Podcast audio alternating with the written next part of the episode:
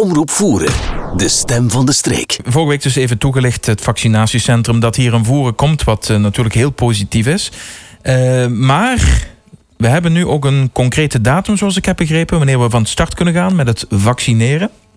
Uh, ja, dat klopt. Uh, en misschien even ter, ter kleine correctie. Uh, op zich, officieel gezien hebben wij geen eigen vaccinatiecentrum, want er mogen eigenlijk maar twee vaccinatiecentra zijn per eerste lijnzone. En binnen onze eerste lijnzone bevinden die zich in Bilze en Tongeren. Maar we gaan het inderdaad zo kunnen regelen dat eigenlijk ja, mobiele teams vanuit Tongeren naar, tot bij ons komen, zodat de mensen van voren zich ook wel degelijk binnen de eigen gemeente kunnen laten vaccineren. En dat is toch op zich wel het belangrijkste. Inderdaad. En ja, we zijn, we zijn momenteel iets concreter in die zin dat volgende week zaterdag de eerste vaccinatie starten. Um, aan de provinciale school uh, in Schravenvoeren. En daar zijn we toch wel, ja, toch wel blij dat het iets concreter wordt. En met name zullen dan de eerste groep van 65-plussers um, en ook de bepaalde risicogroepen zullen dan gevaccineerd kunnen worden. Het gaat ongeveer over een 400 uh, vaccinaties. Ja, want we hadden net nog uh, mevrouw Annie Vakolik, directrice van woonzorgcentrum Okura, hier in de uitzending.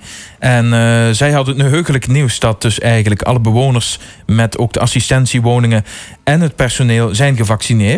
Dus dan is het nu aan de beurt aan de volgende groep. En dat zijn dus de mensen die net nog iets te jong zijn om te wonen in een woonzorgcentrum. Uh, ja, dat klopt. Ik heb ook regelmatig contact met de directrice van het woonzorgcentrum. En ja, ik ben ook heel blij dat die groep daar ook al gevaccineerd is. Want dat zijn toch ja, de meest kwetsbaren onder ons. Uh, en als, als zij al een vaccinatie gehad hebben, ja, is toch wel een zorg, een zorg minder. Dan zijn ze wel iets, uh, iets geruster. En nu is het inderdaad de volgende groep, hè, de 65-plussers. En dan de bepaalde risicogroepen. En met de vaccinatie van komende zaterdag, van volgende week zaterdag, zal al ongeveer de helft van die groep, dus de helft van de 65-plussers binnen de gemeente Voeren, zal daarmee al een eerste prik gekregen hebben. Ja, worden die allemaal persoonlijk uitgenodigd? Per mail, per brief? Hoe gebeurt dat? Ja, ja, die hebben deze week hebben zij allemaal een brief ontvangen van de gemeente. En dan is het de bedoeling dat zij wel nog eventjes, ofwel telefonisch, ofwel per mail, contact opnemen met de gemeente om een afspraak te bevestigen. We hebben ook nog altijd de mogelijkheid om een andere datum te kiezen. maar natuurlijk, bij voorkeur is het wel het meest praktisch moest iedereen kunnen op de, op de voorgestelde datum. Maar moest het echt niet lukken, dan kan er nog altijd gekeken worden voor een andere datum. Zijn dat alleen maar zaterdagen of zijn er ook andere dagen bij? Ja, in, uh, in Voeren zullen, zullen de vaccinatiemomenten altijd op een zaterdag doorgaan. Nu, op dit moment hebben we nog geen zicht wanneer dat ja, 20 maart is, de volgende datum. Maar ja, de andere dagen, dat zal afhankelijk zijn van wanneer dat we de vaccins zullen krijgen. Maar het zal in elk geval steeds op een zaterdag zijn. Oké. Oké. Okay. Um, ja, burgemeester, er zijn ook wat uh, vrijwilligers voor nodig. Uh, daar hadden we het vorige week al over. Die uh, ploeg is compleet, gelukkig. Ja, ja, dat klopt. Daar hebben zich heel wat vrijwilligers aangemeld. Zowel um, vrijwilligers met een medisch profiel, en die ook heel belangrijk zijn natuurlijk, als andere vrijwilligers. Want je hebt verschillende profielen nodig. Je hebt ook bijvoorbeeld mensen nodig voor op de parking te staan, ik zeg nu maar iets. die zijn minstens even belangrijk, dat daar hulp voor geboden wordt. En eigenlijk hebben zich ook redelijk veel um, ja, personeelsleden van de gemeente en van het OCMW ook aangeboden als vrijwilliger. Dus eigenlijk komen we daar ook al een heel eind mee verder. En dat maakt ook wel ja, gemakkelijk, aangezien dat, um, um, ja, dat de algemeen directeur bijvoorbeeld of onze noodplancoördinator, ja, die, die zien die personeelsleden elke dag. En dat maakt het toch wel wat gemakkelijker om daar uh, afspraken over te maken. Maar ook uh, ja, de andere vrijwilligers, daar wordt contact mee opgenomen wanneer dat ze ingeschakeld uh, moeten worden. Um, dus dat, dat komt allemaal wel goed. En wat het medische, wat de vrijwilligers betreft met een medische achtergrond, zij worden eigenlijk ingeschakeld door de eerste lijnzone, eerste lijnzone zelf. Goed, nog een klein vraagje. Uh, iedereen wordt uitgenodigd of werd uitgenodigd. Stel, er is iemand in Voeren mm die 65 plus is en niet uitgenodigd is. Of ik heb thuis een 65-plusser waar ik uh, een paar weken of maanden voor zorg die niet in Voeren woont. Mogen die ook uh, naar het vaccinatiecentrum komen of uh, mogen die zich daar aanmelden? Wel, iedereen krijgt sowieso een, ja, iedereen krijgt sowieso een brief. En het is pas van het moment dat, dat iemand een brief krijgt, dat hij effectief uitgenodigd wordt om naar het vaccinatiecentrum te gaan. Um, en ja, het vaccinatiecentrum, dat, uh, of, de, of de plaats waar, waar men hier gevaccineerd kan worden, dat geldt enkel voor de eigen inwoners. Dus um, je moet je altijd laten vaccineren um, in de plaats waar je eigenlijk, uh, waar je eigenlijk woont. Ja, ja. oké. Okay. Dat is duidelijk. Oké. Tot slot, eh, burgemeester, als mensen deze informatie nog eens willen nalezen of eh, zelf ook vragen hebben, kunnen zij een website raadplegen of een persoon contacteren, een instantie? Uh, sowieso uh, kunnen ze terecht uh, bij de gemeente zelf als ze praktische vragen hebben. Maar eigenlijk algemene informatie en ook uitgebreider informatie over het vaccin zelf, over de vaccinatiestrategie. In het algemeen kan je ook altijd nalezen op laatjevaccineren.be. Dat is een website van het agentschap Zorg en Gezondheid en daar bundelen ze eigenlijk al de, al de relevante informatie. Oké, super. Ik heb nog even een vraagje. Ik denk dat dit voldoende belicht is. Of u heeft nog iets aan te vullen misschien? Uh, nee, ik denk dat het dat vrij volledig was. Ja, kijk, uh, ik denk dat we met z'n allen nu kunnen uitkijken naar 20 maart. Dat dan de eerste vaccinaties uh, zullen doorgaan. We zijn nu nog bezig met de, met de voorbereiding. Deze week hadden we ook de turnzaal waar de vaccinaties zullen doorgaan. Uh, hadden, die, hadden die klaargezet. En momenteel hebben we er drie, drie vaccinatielijnen um, duidelijk aangegeven in een bepaalde kleur. En dat de mensen toekomen, dan wordt ook de procedure, staat, daar, staat daar kort uitgelegd. Uh, maar dat zal allemaal wel duidelijk worden als men zich uh, ter, ter, plaatse aanmeldt. En dan zal men een van de drie vaccinatielijnen moeten volgen, waar dat men vervolgens een uh, vaccin krijgt. Het is allemaal heel goed voorbereid, dat, dat, dat horen we zo. Ja, absoluut. Ja. Ik, ik heb nog een, een ander vraagje. is namelijk dat um, gebleken is, dat heeft even niets te maken met, uh, met uh, COVID-19. Maar wel met een ander ja, euvel. Namelijk dat 1 op de drie gecontroleerden bij snelheidscontrole invoeren, die rijden toch wel te hard. En er zijn maar liefst zes intrekkingen van rijbewijzen geweest bij de laatste snelheidscontrole. Dat is toch eigenlijk wel zorgwekkend, of niet?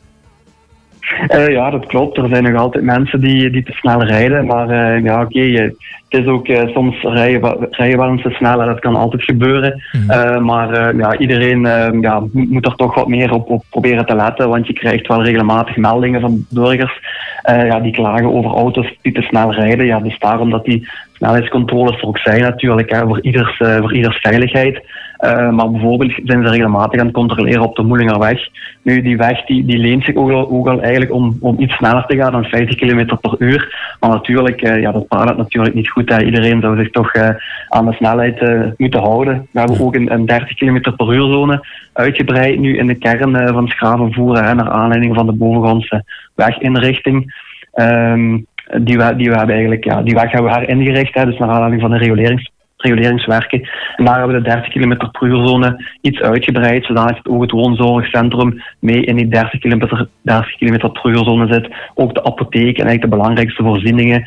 Um, dat is ook iets waar men ook binnen Vlaanderen meer en meer naar streeft. Dat men eigenlijk ja, de dorpskernen, de bebouwde kom, dat men daar meer en meer naar een 30 km per uur uh, zone gaat. Ja. Dus dat is, uh, en dat is gekoppeld natuurlijk hè, aan, aan een uh, controle door de politie. Daarmee proberen we er toch voor te zorgen dat het overal iets veiliger wordt. Precies, meer de be bewustwording ook bij de mensen dat, dat het al snel gebeurt dat men iets te hard rijdt, inderdaad.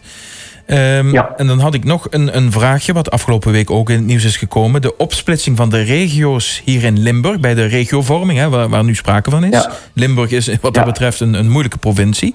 Um, ja, heeft, heeft, u, heeft u daar een mening over of heeft u daar geen mening over? Ja, dat is een, een hot topic op dit moment. Hè. De regiovorming, uh, die discussies die, die laaien, um, die, die laaien uh, volledig.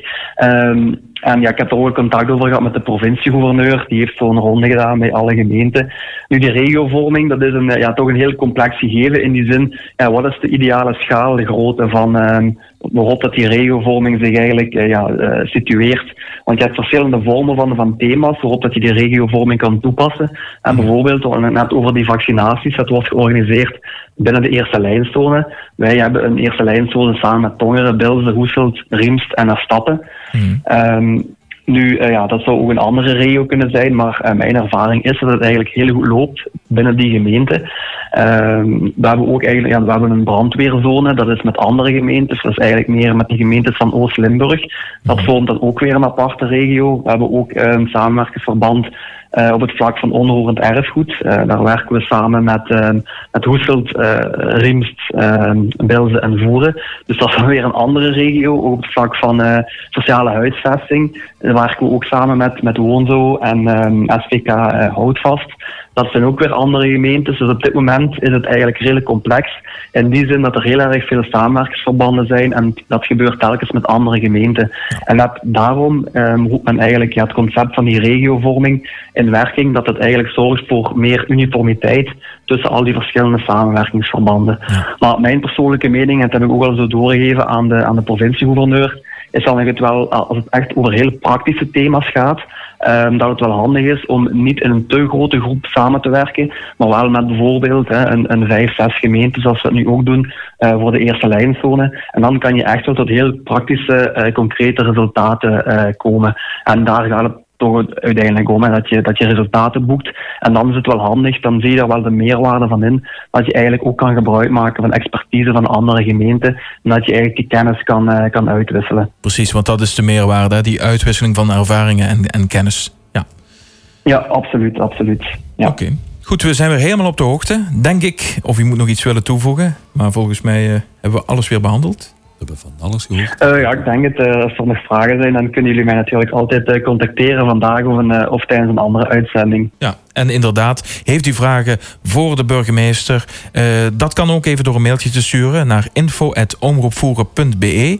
Wij bundelen dan die vragen en periodiek ja, hoop ik dat we u toch even kunnen spreken hier in de uitzending. En dan kunnen we die vragen eventueel aan u voorleggen. Zeker, dat is geen enkel probleem.